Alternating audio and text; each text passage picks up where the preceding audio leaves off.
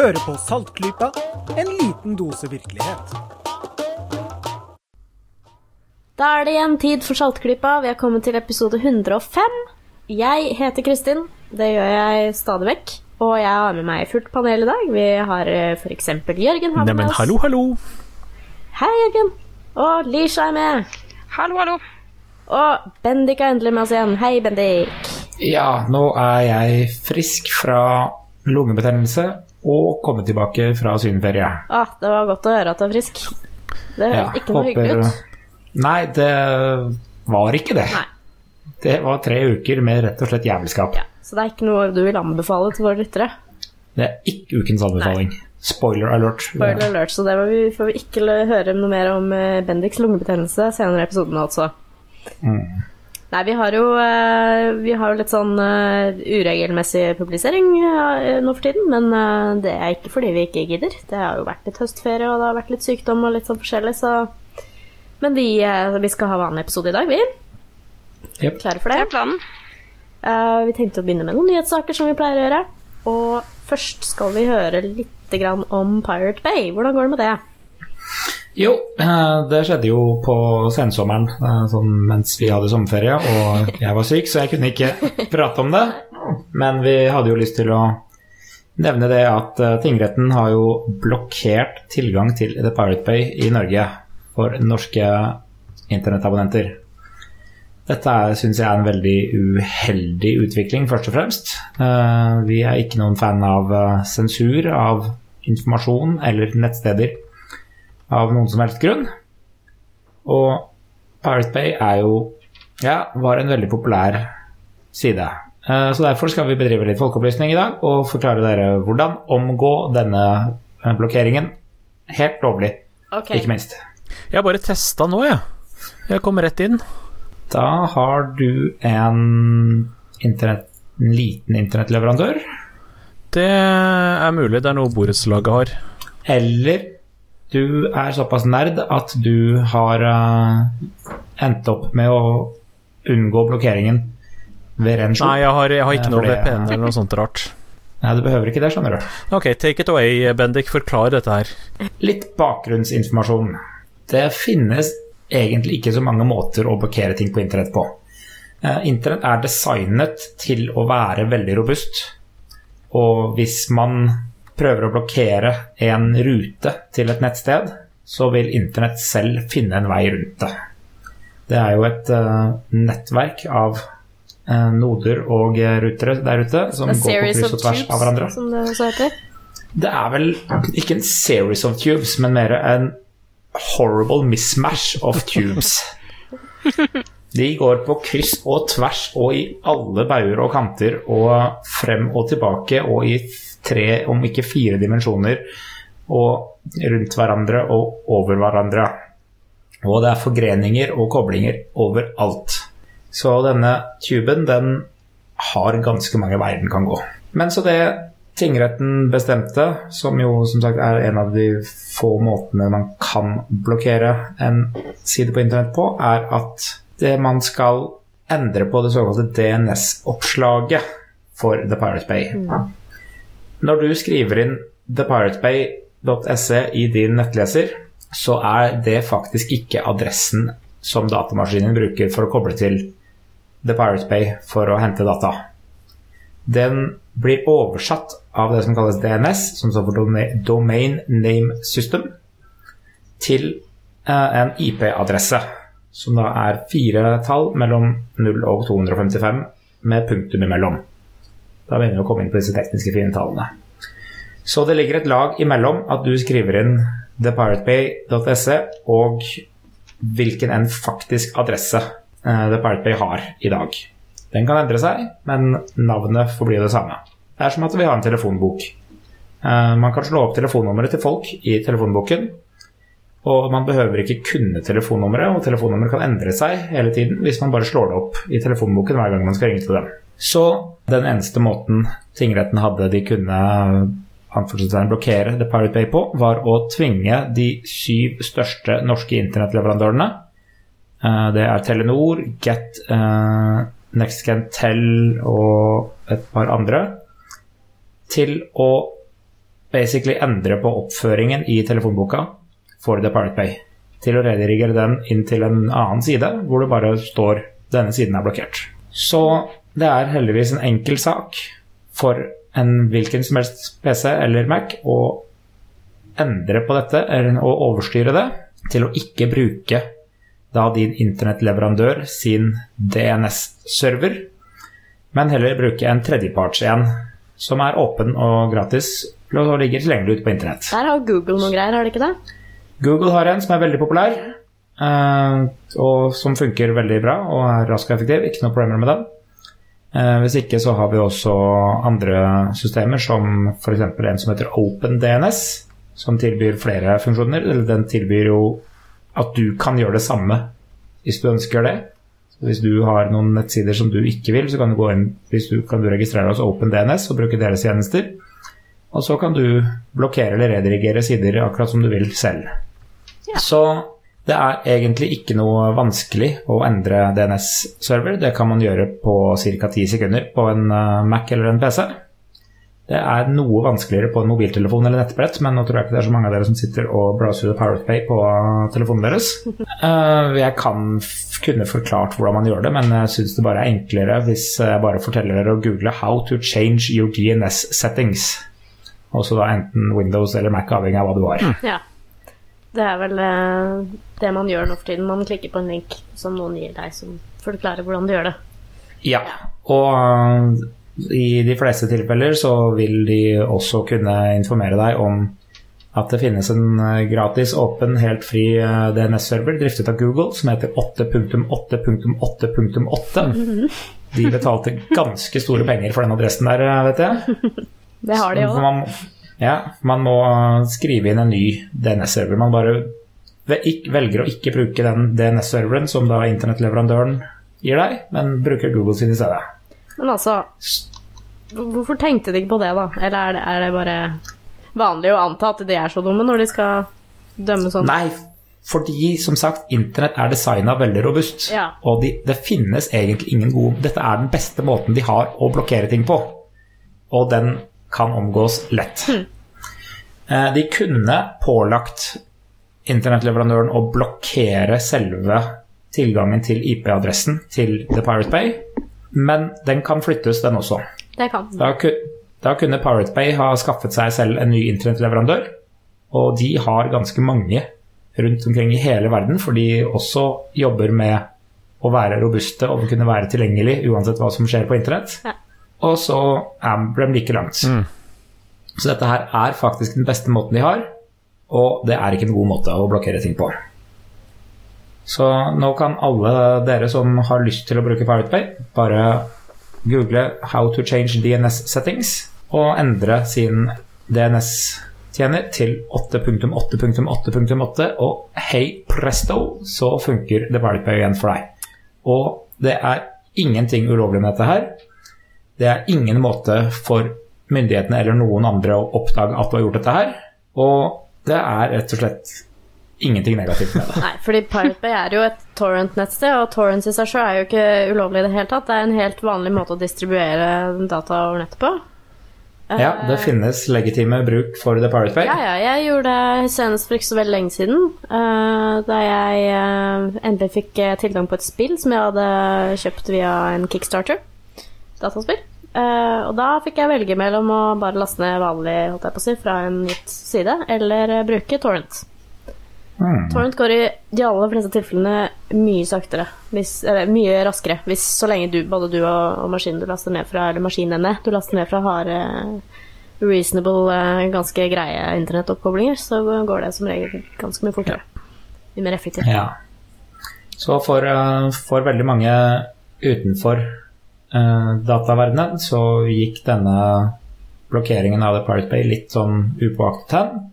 Og da vil jeg bare oppfordre folk til å være litt årvåkne og si at dette her er faktisk sensur i det norske samfunnet. Strengt tatt så er det vel sånn at selve denne blokkeringen kan man godt diskutere lovligheten av. Eh, Jeg syns det er veldig merkelig at eh, en rettsinstans kan komme til en sånn beslutning. Jeg tror ikke Ja, jeg mener ikke det er lovlig å eh, prøve å stanse nettsider på den måten. Når innholdet i seg selv ikke bryter eh, norsk lov. Og som Bennik sier, det lar seg heller ikke gjøre, så hvorfor de prøver på det, er jo eh, ja, et godt spørsmål. Jeg kan jo også da nevne som en uh, tilleggsmorsomhet Ved å bytte DNS-server på den måten her, så har du også omgått barnepornofilteret til Kripos. For det fungerer på nøyaktig samme måte. Oh shit. Ikke det at noen her ville google seg fram til barne- barneporno, Eh, Nei. men som en, som en bieffekt så har du nå omgått det også. Ja.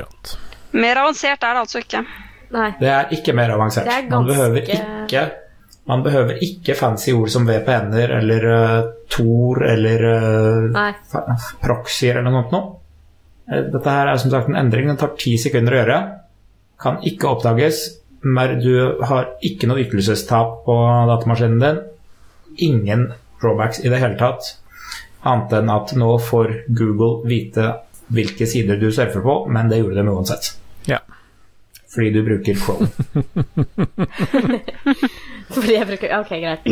la, la, la. Eller fordi du googler Ja. ting. Fordi jeg googler ting, ja. Nettopp. Ja, det er jo en, det er en annen eh, Det er et annet tema igjen. Hvis du ikke har lyst til å gi denne lille biten med informasjon til Google, så finnes det som sagt også andre åpne DNS-servere der ute. Eh, F.eks. OpenDNS. Helt gratis, eh, den også. Eh, Ikke noe negativt med det. Eller jeg har min egen. Det har du vel. Ja, ja. Så det, fancy. det, det, er, det er litt mer avansert, men ikke noe hekseri for de av oss som, som kan data, da, eller som jobber med data. Ja, men Så bra. Da, da har vi bedrevet litt sunn folkeopplysning.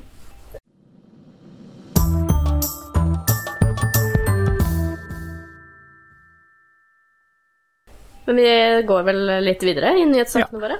Uh, for å få det unna sånn med en gang. Uh, det er, jeg kan ikke noe for at det er noe om rommet uh, å fortelle om nesten hver gang. Sånn må det bare være når det skjer så mye rart. Det er ganske mye rom der ute, så Det er veldig mye rom, vet du. Eh, veldig lite verden og veldig mye rom, som jeg pleier å si. Og nå har dette rommet funnet på mye rart. I rommet, nærmere bestemt i bane rundt Mars, så har vi en sonde. Vi har flere, men en av dem heter Mars Reconnaissance Orbiter. Og på Mars Reconnaissance Orbiter så eh, befinner det seg bl.a. et kamera eh, som tar bilder i ekstremt høy oppløsning. Veldig, veldig fine bilder. Eh, High-rise-kamera har tatt eh, de, i mange år nå har tatt et bilde av eh, overflaten på Mars. Blant annet eh, noen veldig interessante geologiske formasjoner som kan minne om litt sånne raviner og bekkeløp og sånn. De siste årene da, så har man forska på om dette her kan ha noe med ting som har rent nedover og skapt disse her bekkeløpformasjonene, da. Og så var det da for ikke så lenge siden, så turte da NASA endelig å gå ut med nyheten om at dette her eh, faktisk er vann. Eh, som da har befinnet seg, altså i lengre eller kortere tidsrom, på overflaten på Mars. Men vi har da visst det lenge, har vi ikke det? At uh, det er vann på at det er vann på Mars, har vi visst, det. Is på polene og sånt? Det er vann på Mars eh, ganske Altså, den er relativt tørr hvis man sammenligner med jorda, f.eks., men det er vann på Mars. Det har man visst lenge. Eh, På, Ja. på polene, som du nevner, så er det jo is. Eh, spesifikt da stort sett vannis eh, på Nordpolen, og så har du sånn CO2-is, sånn tørris, på Sydpolen av Mars. Eh, du har også en viss andel av vanndamp i atmosfæren, faktisk. Mars har en atmosfære, selv om den er ganske tynn. Og så har vi også funnet ut at til og med sånn rett under overflaten i de tempererte områdene på Mars, så har man også funnet da spor etter vann i på en måte Og dette er et veldig dårlig norsk ord for soil. Eh, jordsmonn. Altså når jeg tenker jordsmonn, så tenker jeg mer at det er sånn frodig jord, men det er jo ikke det. Det er jo mer sandaktig. Men i hvert fall i soil, eh, rett under overflaten på Mars, så har vi også vannmolekyler. Og nå sist, da. Det som er spesielt nå, er at man, eh, man endelig har fått bevis at det også kan eksistere eh, i flytende form på overflaten. Eh, Riktignok så er dette snakk om ekstremt eh, saltholdig vann, da. Så det er en slags masse av eh, saltlake, kan man kanskje si. Eh, det Ja, for det er ganske kaldt på Mars. Det er ganske mange utfordringer for flytende vann eh, på Mars. Sånn. Eh, Ja, ikke sånn En av dem er vel at det er minus 23 grader her på det varmeste. En av dem er eh, at det er ganske relativt kaldt. Eh, Det holder seg stort sett under frysepunktet aller, aller, aller, aller meste av tiden. Så det er en stor, eh, stor hindring. Eh, En annen hindring som er minst like kjip for Mars eh, det er altså da trykket. Jeg nevnte at eh, Mars har veldig veldig tynn atmosfære. Den har så tynn atmosfære at trykket det er bare 1 av det vi finner på jorda. Det er ikke så veldig mye. Eh, du ville ikke kunne gå noe bra med slimhinner og blodet ditt og sånn hvis du gikk ut på Mars sin overflate uten romdrakt, f.eks. Det ville jo bare koke vekk. Eh, så det er liksom sånn Altså, det er ikke noe særlig hyggelig, da, for vann. Men eh, det som er med når det er veldig mye salter i vannet I dette tilfellet så har man da funnet at det er noe som heter perkloratforbindelser. eh, som er en type salt. Hvis det er veldig veldig mye salt i vannet, hva skjer da? Er det noen som vet det? Hvis Da man senker putter frysepunktet. Det gjør det. Det kan holde seg eh, flytende lenge før det koker vekk, koker vekk rett og slett. Eller fordamper. Så, eh, og det har man da lenge eh, hatt en mistanke om. Og det er faktisk eh, en gjeng med ph.d.-studenter. Det er ikke sånne kjempegamle seniorforskere, dette her.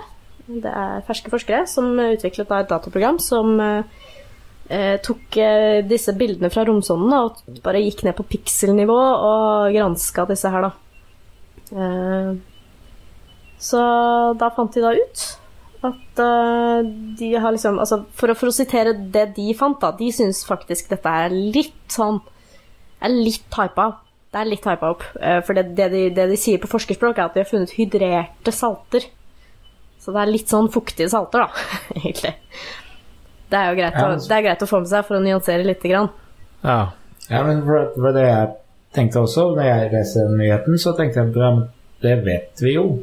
Som sagt, vi har jo sett is. Det ser man jo, så det må jo være Ja. vann hvis det er is. Men nå er jo som sagt eh, vann som er flytende nok til at det kan eh, lage levende, holdt jeg på å si, levende geologiske strukturer på Mars. Det er jo, det er jo ganske kult. Og alt vi oppdager som har med vann å gjøre på en klode som er aktuell for oss å utforske mer, det er jo interessant for alle. Én ting er selvfølgelig det første alle mediene sier, det er at uh, hva skjer med, da med jakten på liv? Kan det være liv på Mars? ikke sant? Uh, ganske litt sannsynlig. Uh, jeg nevnte før at det er kaldt, og at det er tynn atmosfære, og at det nå i tillegg da er ekstremt salt.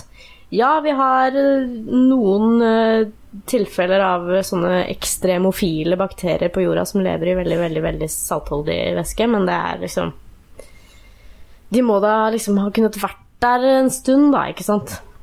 Så det er lite sannsynlig.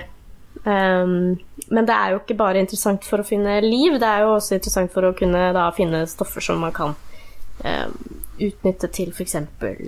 Ja, ressurser som drivstoff, f.eks. hvis man kommer på Mars en gang. Så det er i alle tilfeller interessant, både for forskning og utforsknings skyld, da, kan man kanskje si. Og så får vi håpe det ikke er bakterier og virus der, for jeg får egentlig bare får sånn assosiasjoner til en viss Doctor Who-episode som heter Waters on Mars. ja. Så det får vi ikke Det får vi ikke spekulere noe særlig mer på. Da ble jeg bare litt sånn småredd. Det var en litt skummel episode. Det var litt skummel. Typisk uh, skumle dobbeltrom. Mm -hmm. Ja. Men uh, litt, vi, skal, vi skal ned på jorda igjen, skal vi ikke det? Og en litt sånn uh, halvmorsom studie som har blitt gjort. Ja. Det Jeg skal ikke si så mye om den, egentlig, men det er Overskriften sier egentlig det meste, men jeg gidder ikke å lese på engelsk. Men jo, nei, eh, vi har jo snakket jo stadig om vaksiner her på Saltklypa. Og, og folk som ikke liker vaksiner og finner på de teiteste ting. Men det er jo av og til at uh, noen av dem uh, gjør som de skal, og sier at nei, men da får vi uh, skaffe penger til noe ordentlig forskning. Og så er det altså en uh, antivaksinegruppe som har uh, sponsa forskning for å bevise at det er en sammenheng mellom eh, autisme og vaksiner. Det er jo ikke akkurat det beste utgangspunktet hva gjelder den vitenskapelige metoden, men de har i hvert fall De har forska, og konklusjonen var at nei, det var det jo ikke. Så de hadde basert seg på noen pilotstudier som hadde vist at dette var eh, apestudie, da. Det var visst noe tidligere forskning som antyda at det var en sammenheng, og så har de nå sponsa en ordentlig større studie som viser at nei, det var det ikke. Så denne gruppa er veldig, veldig skuffa. Ikke, ikke glade for at de tok feil, sånn som man skal bli da, når man er forsker. Nei, de virker ganske gretne. Ja. Okay. Åssen gikk det med stakkars apene? Uh, du, så godt har jeg ikke lest artikkelen. Men uh, jo, det gikk dårlig, fordi uh, de har jo blitt eh, avlivet og operert i hjernen for å se etter skader av vaksineringen. Ja, litt sånn, ja. Ja, ja. ja. Så sånn var det. Nei. Ja, sånn var det. Nei, det, det Jeg vet ikke helt om de kommer til å slå den nyheten så veldig stort opp i sitt eget miljø, da. Uh, Tenker jeg. Hm. Det spørs vel. Nå som skeptikerne slår så stort opp i det. Det som jeg syns er så fint med egentlig med dette her vaksiner og autisme-memet, da, som jeg nesten kan kalle det, det er at det i de aller, aller, aller fleste tilfeller så er det godtatt at det er en sånn greie som man kan Man kan liksom Man, det, man skal være skeptisk til, det- til, det- til, til de antivakserne nå. Det er, du ser alle mediene er det, og denne her, disse her overskriftene jeg har sett på den saken du nevnte nå, Jørgen, er litt sånn Ha-ha, se hva de har Ja. Så det er jo litt Litt betryggende, da. Nei, men det er eh, Jeg er egentlig bare såre fornøyd, jeg. Eh, vi Ja. får en morsom overskrift å le av, og samtidig så har det blitt utført eh, sannsynligvis ganske bra forskning. Så hipp hurra. Ja. Bra. yes.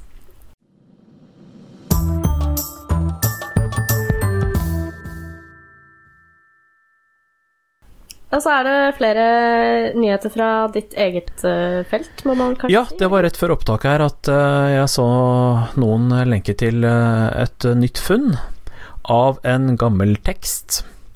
Eh, av den eldste ordentlige historien som er bevart, nedskrevet, nemlig eposet om Gilgamesh. Ja, Det er det er ordentlig, ordentlig gammelt når vi snakker om eh, det bevarte den bevarte teksten vi har fra før av, er vel omtrent eh, fra 1800 før Kristus.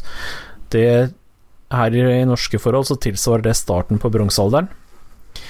Um, og nå er det funnet Altså, det er liksom et berømt dikt. Det er kjempekult. Det er en, den originale heltehistorien.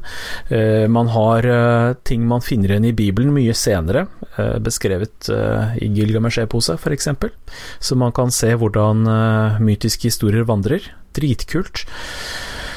Og nå har det dukket opp en bit til som eh, forklarer noe som har virka litt rart tidligere.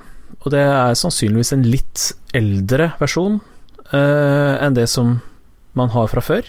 Det er bare 20 linjer, eh, men det forteller en liten episode om eh, eh, Gilgamesh og hans kompanjong Enkudu, som De har drept en som heter Humbaba, som er vokter over sedertreskogen. Og i den nye versjonen så viser de anger, og det var sånn som virka litt rart i den versjonen vi kjenner fra før av. Liksom, de bare dreper han fyren, og så er de såre fornøyd. Og nå virker det som det liksom Nå angrer de på at de ødela skogen og litt sånn. Så det er spennende. Yes. Og jeg syns det var litt ekstra spennende, for jeg har skrevet om dette her i den boka jeg aldri har reklamert for tidligere. Uh, ja? Norges historie i 25 ting. Hvor oh, Altså, okay. det, jeg driver jo med nordisk arkeologi, og dette er relevant for nordisk arkeologi. For vi har uh, motiver i bergkunsten i Skandinavia som ser ut som det kan være uh, bilder fra epos om Gilgamesh her oppe i nord. Det er jo Det er det er dritkult. Så det. Jeg, jeg så det nettopp og måtte bare snakke om det. Ja, nei, det, det, det får du lov til.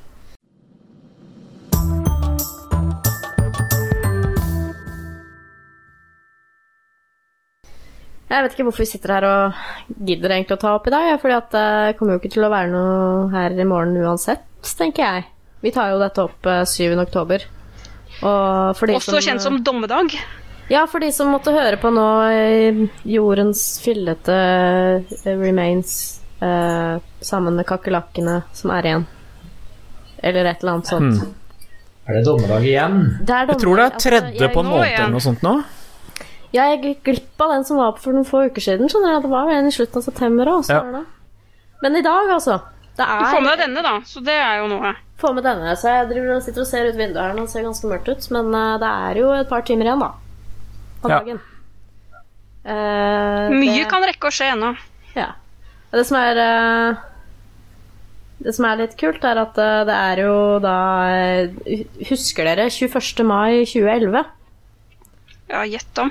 Da var det jo denne her eh, dommedagspredikanten Harold Camping som, eh, som hevdet at eh, Da han regna seg fram til det, da. At da skulle jorden gå under. Og det var folk som hørte på han, for han var sånn radiovert, da. Så hørte på han og solgte alt de eide og sånn. Ja. Uh, og da, da den dagen kom, så endra han jo datoen til 21. oktober samme år. Yeah, bursdagen eh, men det ble ikke så spektakulært, det heller. Så da Bursdagen var ganske spektakulær, da. Ja, det, det er sant. Det pleier det å være. Eh, nei, altså, og han, eh, han eh, trakk seg jo litt sånn vekk fra oppmerksomheten, da, etter det. Gikk bort i, i 2013 også, faktisk. Møtte sin skaper i 2013. Eller ikke. Uh, alt ettersom. Han håpet Ja. sikkert det, da. Ja. Uh, så nå er det liksom enda flere, da, så Det er en fyr som heter Chris McCann, som har tatt opp Tatt opp ballen, holdt jeg på å si. Tatt opp hansken, eller hva det heter. Eh, eh, et, etter camping, da. Og han sier da at nei, nei, camping tok ikke feil, skjønner du. Han bare glemte en veldig, veldig viktig detalj. Han, eh, det var Han hevner nemlig det at 21. mai 2011, som da var nesten originale Domdal, det var da dagen da, så, så leser jeg da fra den veldig vitenskapelige siden side3.no nå. Eh, det var dagen da Gud stoppet utvelgelsen av hvilke kirkegårder som skulle komme til himmelen, og hvem som skulle dra til helvete i et flammeinferno. Men, Uh, flammeinferno! det, dette er viktig, skjønner du. Det er et men her. Gud Ja. skulle også bruke 1600 dager, 1600 dager altså, på å velge hvilke mennesker som ikke går i kirken, men som likevel skulle overleve dommedag, altså. Og gjett hva man får hvis man tar eh, og teller 1600 dager fra 21. mai 2011. Jo 7. Kan- oktober 2015. Så This eh, very day. At disse folka aldri Så- lærer. Nei, det er vel Nei. det Altså Hadde man lært, så hadde vel kanskje liksom Johannes i Bibelen gitt opp. eh, holdt jeg på å si. Han var en av de første som tok det Slo der seg ganske på den alvorlig. Slo seg litt løs, ja. På det der. Så eh, greit å nevne, så vet dere det at eh, eh, hvis eh, f.eks. dere forsover dere på jobben eller et eller annet sånt, så sier dere bare at jeg, men jeg trodde at jeg Verden trodde skulle at, gått eh, under». Verden skulle gå under i går, så da sov jeg litt dårlig. Sånn er det. Det, det konkluderer forhåpentligvis ikke Saltklypa eh, av den grunn.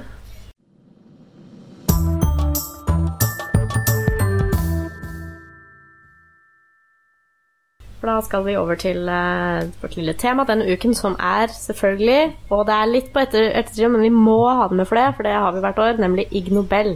Yay! Du skal si noe om Ig Nobel. Det, her er jo, det er jo snart Nobel-sesong, eller de første har vel kommet ut, men vi får ikke prata om så mye om dem i dag, men kanskje neste, neste episode. Men vi har 2015 Ig Nobel-prisvinnerne. Ja. Og for de nye her så er Ig Nobel en eh, Det begynte jo for eh, 20 år siden eller noe sånt nå, som en parodi på Nobelprisen. For eksempel så liksom fikk George Bush fredsprisen og sånt. Men så over tid så morfet den da til å ta for seg seriøs forskning som Ja, de sier selv som får deg til å tenke litt, eller som får deg til å si hmm. Mm, Etter at du er ferdig med å le, på en måte. Ja, etter at du er ferdig med å le over hva disse gærne forskerne tenker på og jobber med, så tenker man litt på, kan man tenke på hvorfor er dette nyttig, og kanskje man faktisk kommer med et svar på det. Fordi de, de prøver liksom å vise at forskere er ikke bare sånne der folk som sitter i landcoat dagen lang og, og jobber på ting. Altså, I fjor, eksempel, så må- var det et, var det et norsk team som vant eh, en pris i biologi, tror jeg, eller i arktisk biologi, for å finne ut hvor skremt reinsdyr blei hvis de så en mann utkledd i isbjørnkostyme. Og svaret var ganske. Ganske skremt. Men de testet ikke omvendt, da, hvis, hvis, hvis reinsdyret kledde seg ut i isbjørnkostyme? Nei, det, det ville nok eh, ikke gått så bra. Jeg håper ikke jeg dro den forrige år òg. Jeg tror ikke det. Det var litt flaut hvis jeg gjorde det. Det er sånn så ingen som husker det. Men i år, for eksempel, altså, så, har vi Kjemiprisen, som er utdelt til et eh, australsk og amerikansk uh, samarbeidsprosjekt. Som uh, har bl.a. funnet ut hvordan å hva blir det norske ordet? Uh, unboil an egg. Jaha. Avkoke et egg? Ja, avkoke blir ikke riktig det heller, for avkoke er jo noe annet. Nei, jeg skjønner, vet du, men hva Og ukoke. Ukoke et egg blir det beste norske ordet. Eh, for de har da oppdaget noen, eh, noen kjemikalier som kan bryte opp de eh, proteinbindingene som foregår når man koker et egg. Det er jo ganske fantastisk, da. Da, da, da tenker jeg liksom sånn at eh, har, Altså, det må jo liksom er det, er det mye å finne ut her om f.eks. hvordan entropi fungerer og sånn, eller er det egentlig kun kjemiske ting man har sett på her? Eh, Jeg tror de har mest eh, funnet ut eh, kjemien for å Men det er jo da en seriøs forskning i at de har jo da klart å Ja, det kalles å, å brette proteiner på norsk, tror jeg. Ja, Eh, da, og, og brette dem ut og brette dem sammen igjen på en annen måte. så morsomt. Dette her kan ha kan ha faktisk veldig store ringvirkninger rundt omkring. Men så klart akkurat nå så sier man bare at de har klart å ukoke et egg. Det er jo det som er greia med den, den type forskning. Da, at nå høres det bare helt teit ut, egentlig, men man vet aldri hva det kan føre til. For man, alt vi finner ut, er jo et pluss. Ikke sant? Jo mer Ja. vi vet om hvordan ting henger sammen, hvordan verden fungerer, jo bedre er det. Og du vet ikke hvordan den forskningen kan komme til nytte. Det er som Øystein Ja. Sunde sier, altså Det er kjekt å ha. Du veit aldri når slikt kan komme til nytte. Det er riktig. Så Ig Nobel er ikke, er ikke jeg vil bare gjenta det, det er ikke en premie for å si idiotisk forskning eller meningsløs forskning. Det er, men det er forskning som kanskje ikke er åpenbart nyttig i dag, men sannsynligvis er det ganske kult. Veldig bra. Men vi kan fortsette nedover listen. Uh, fysikkpremien uh, denne i år gikk til et uh, USA- og taiwansk team som fant ut at nesten alle pattedyr tømmer blæra si på gjennomsnittlig 21 sekunder. Alle på Pluss, eh, men 21 sekunder pluss minus 13 sekunder, det synes jeg er et ganske høyt standardavvik, Det synes jeg var Ja, prosentvis. faktisk. Prosentvis veldig stort. Ja. Ja. Akkurat den hadde jeg faktisk hørt om. Som regel så kommer jo alle disse øh, studiene som et sjokk på meg hver gang jeg eh, får høre om eh, Ig Nobelprisen, men den der hadde jeg hørt om. Få se på, Så- eh, se på fagfellevurderingen til den der, altså, med det standardavviket der. Det er litt skeptisk. Eh, Så har vi litteraturprisen. Det her er eh, en av mine favoritter, og, og kjæresten min sier at jeg burde virkelig lese denne her. Eh, Det er et nederlandsk eh, og belgisk og amerikansk team som har funnet ut at ordet 'hæ' finnes i omtrent alle menneskelige språk. Men de er ikke helt sikre på hvorfor. Selvfølgelig er de ikke helt sikre på hvorfor. Fantastisk. Og ordet her har samme betydning på alle språk. Det er ingen Det er samme ord, samme betydning Ja, for hvis du, altså, du befinner deg hvor som helst i verden, så kan du si liksom Hæ? Så skjønner de hva Ja. du mener. De skjønner at du ikke skjønner. Og så skjønner de at du ikke skjønner. Det er helt riktig. Det er jo fint å få det dokumentert. Ja. Du kan gå rundt og si hø, hø, hø, uansett hvor du er i verden. Jeg håper de har testet Papua Ny-Guinea på dette her også, for der har de noen skikkelig sære språk, men uh, De eh, neste prisen som ble utdelt, var i ledelse. De, i, I Nobel så finner man litt på kategorier, et, bare for å passe For å passe. Ja, litt sånn adhoc. Litt adhoc. Ja, det Så i år var det en uh, pris i ledelse eh, som gikk til et team eh, over mange land, eh, men stort sett Italia og USA. Og Som- India. India må nevnes Og her. litt, jeg vet, et par indere som fant ut at ledere utvikler en forkjærlighet for å ta ris risikoer når de opplever naturlige katastrofer som ikke nødvendigvis påvirker dem direkte. Jaha. Den var, den var veldig man- detaljert.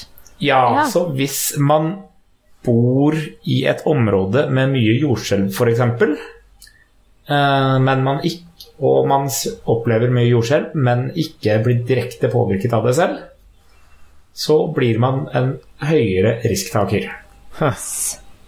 Mye innovasjon og Det er jo litt interessant da, at Japan, som eh, Ok, de har vært i en slump nå i noen år, men Japan har tradisjonelt ligget veldig langt eh, fremme når det gjelder eh, ja, nyutvikling på teknologisiden og sånt noe, og der må man jo si at uh, det er noen naturkatastrofer ute og går, særlig jordskjelv, men andre ting også. Og nå, da, det er litt interessant, da, at i deres kultur så Ja. Prisen i Spennende. i økonomi Å, den her er bra. Jeg må bare si, Det her er den som jeg har hørt om, og den her er bare så clever. gikk, eh, gikk ikke til et forskerteam, men gikk til eh, Bangkok politidistrikt. Ja. Bangkok politidistrikt, hva er det de har funnet på nå? De eh, foreslo å øke lønnen til politimenn hvis de lover å ikke ta imot bestikkelser. Korrupsjon er jo et stort problem i eh, de områdene der. Eh, Og så hva blir løsningen? Jo, å betale dem Og betale ekstra. og tilby dem cash. Åh, Man bør øke lønna generelt. Nei, for da er de som er eh, dirty, ikke sant? de fortsetter bare å ta imot bestikkelsene og ta den ekstra lønna. Ah. Og det er jo de dirty cops som de vil luke ut. ikke sant? Jeg syns det her er så kult, for det er et problem som Som Bendik sier, da, i den delen av verden så er det et ganske stort problem. Og det kan for så vidt sikkert være lignende problem i våre deler av verden òg, men vi kunne aldri finne på å gjøre noe Nei. sånt. Ikke sant? Det der er jo en helt, fra forstand, en helt sinnssyk idé. Det går jo aldri. Men her altså, De tenker utenfor boksen, altså. De er ikke så bundet av sånn derre liksom eh, regelverk og sånne ting. Det er bare Nei. Nei, Ja, det er bare i veien, det. ja, altså, er dette en mulig løsning? La oss teste. Jeg syns det er kult. da. Det er kjempe... Ja. Tenk utenfor boksen. Det er det det handler om. Mm. Tidligere løsninger Ja. har ikke funka, da må man prøve noe nytt. Ja. Det var greit nok. Det er en uh, medisinpris som uh, gikk til et uh, japansk, kinesisk, slovakisk team, i hovedsak, Og litt UK og litt av USA. som prøvde å undersøke de medisinske fordelene ved å kysse. Ja. Jaha. Ja, Men det er vel ikke et eh, helt fremmed forskningsfelt? Det har sikkert blitt eh, forsket litt på før, har det ikke det? Eller var det noe sånn veldig Sikkert. spesifikt? Det ser ut som det var mye på allergi, da. At de har fokusert litt på allergi. Og det er klart, det er ikke så rart, fordi det er jo noe som er veldig synlig. Ikke sant? Ja. Utslett og sånn som eh, stiger og synker. Ja, så da har vi uh, journalartikler som eh, eh, med navn som 'Kissing reduces allergic skin wheel responses and plasma neurotrophin levels'. Og 'Reduction of allergic skin wheel responses by sexual intercourse in allergic patients'. In allergic patients. Så her har de uh, hatt det gøy med allergenene sine. Ja. Ja, det må jeg si. Kult.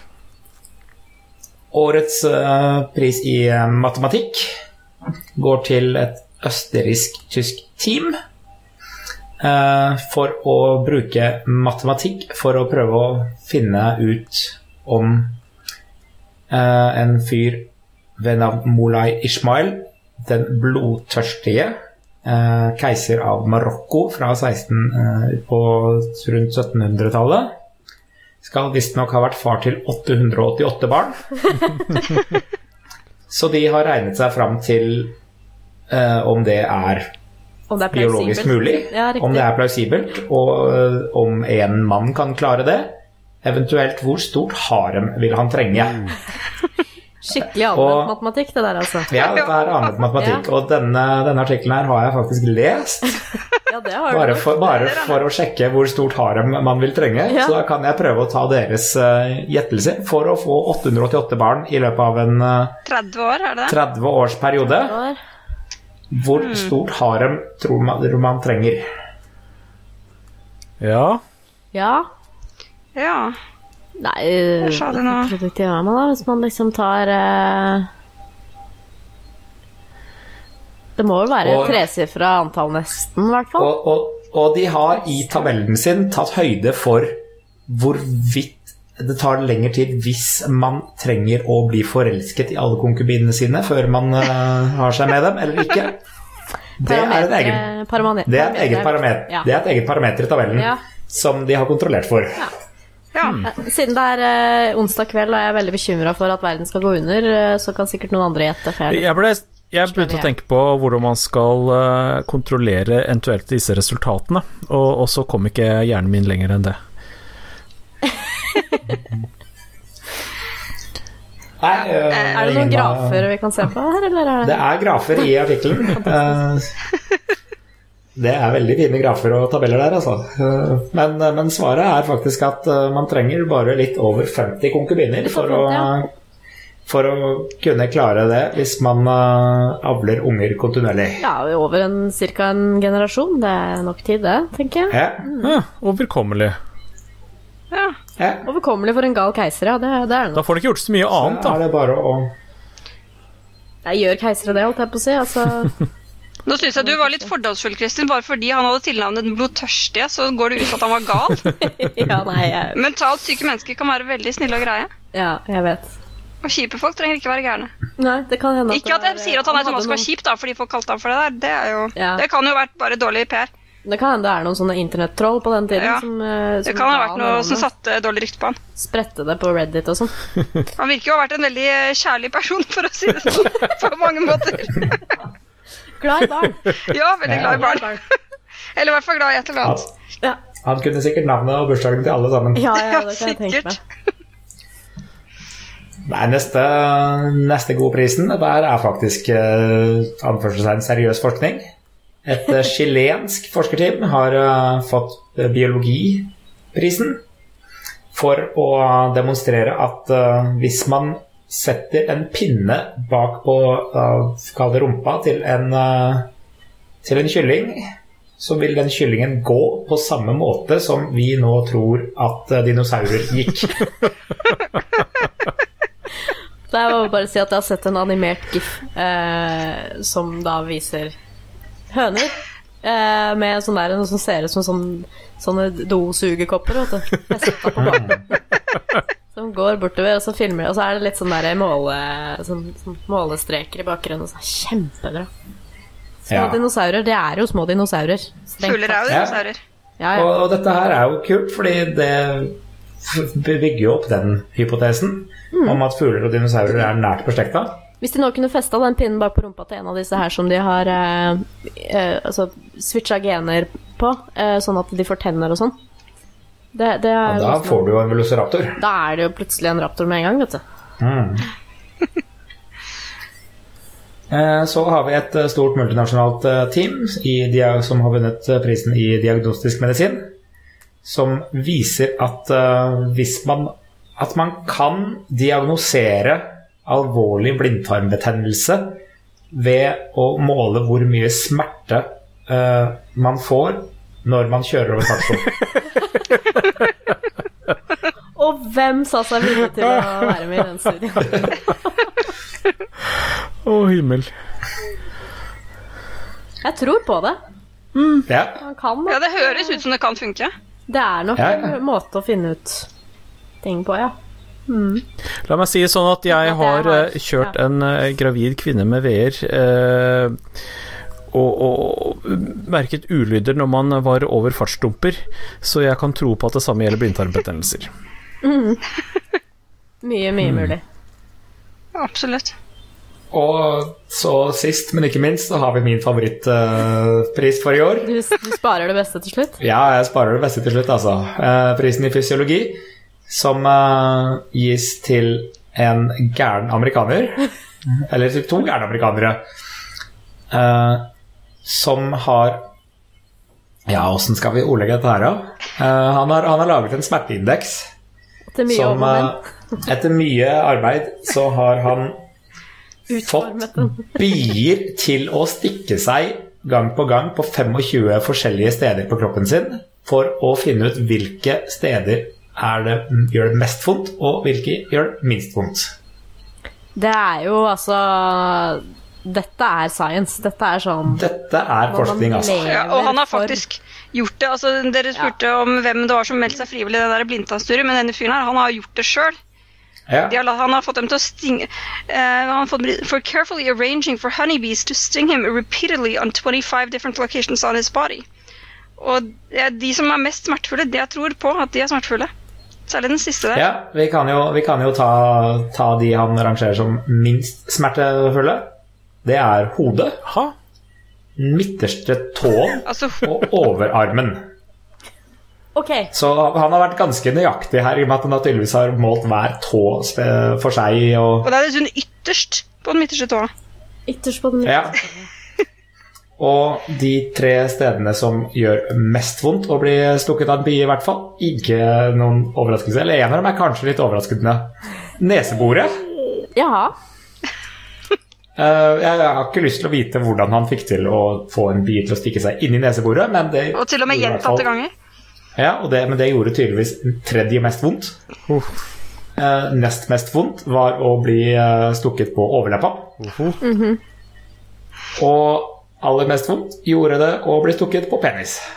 Ja. Man går grundig til verks her. Denne fyren har virkelig ofra seg for vitenskapen. Altså, han fortjener prisen. Det jeg lurer litt Det på, si. Det er, hadde han flere datapunkter, eller tok han disse 25 stikkene liksom, og ble ferdig med det? Nei, det var de, Det står 'to string him repeatedly on 25 different locations'. Ja. Så det ble nok eh, Eksperimentet ble nok gjentatt. ja. Tre ganger. Så da fant han ut Ja, det stemte at uh, overleppa var nest vondest. Igjen. Ja. Ja. Sånn. Okay. Det gjorde vondt denne gangen også. Ja.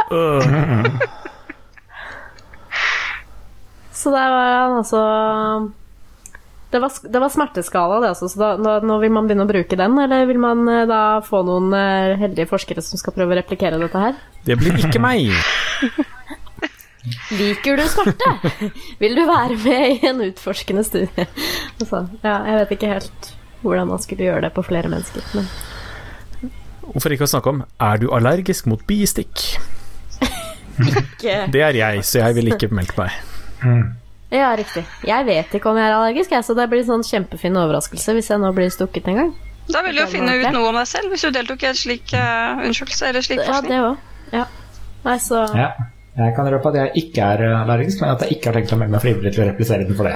Nei, men det er lov. Replikere, ikke replisere. Beklager. Vi jobber stadig med språket her i Saltgruppa. Ja. Det er på Én kverulering av gangen. Ja. Nei, men det var Ig Nobel. Takk for det, Bendik. Det var som alltid veldig lystig og ikke minst opplysende. Gleder meg hvert år til eh, Ig Nobelen. Ja, det blir selvfølgelig neste år også. Ok. Er vi ferdige da, folkens? Tror det. Ja, Ja, det tror jeg var dette for denne gang. Dette var det. Eh, takk for at du som hørte på, hørte på. Og hvis du har noen tips til oss, eller eh, litt ris og ros, alt sånn, eller bare vil si 'hallo, jeg er veldig glad i deg', eller et eller annet sånt, så eh, kan du skrive til oss på f.eks. mail. Vi har noe som heter post at saltklypa.no, eller så har vi en Facebook-side, vi har en Twitter, og Så det er liksom ikke så vanskelig, da, å si hei til oss. Det, gjør det gjerne, så vet vi at eh, det er noen som hører på. Mm. Ja, det liker vi. Og med den oppfordringen så eh, takker jeg for meg. Og takk for at dere i panelet var med meg Bare hyggelig. Det var så hyggelig. Bare hyggelig. Så da sier vi ha det bra. Ha det, ha det. Ha det bra. alle sammen. Saltklypa lages av Kristin Lisha, Jørgen og Bendik. Har du spørsmål, anbefalinger, ris eller ros, send det til post at saltklypa.no, eller finn oss på Facebook. Lenker til alt vi har snakket om i episoden finner du på saltklypa.no, hvor du også kan abonnere på podkasten for å få hver episode levert på døra helt gratis. Takk til Smart 9000 fra Evig poesi som har laget kjenningsmelodien.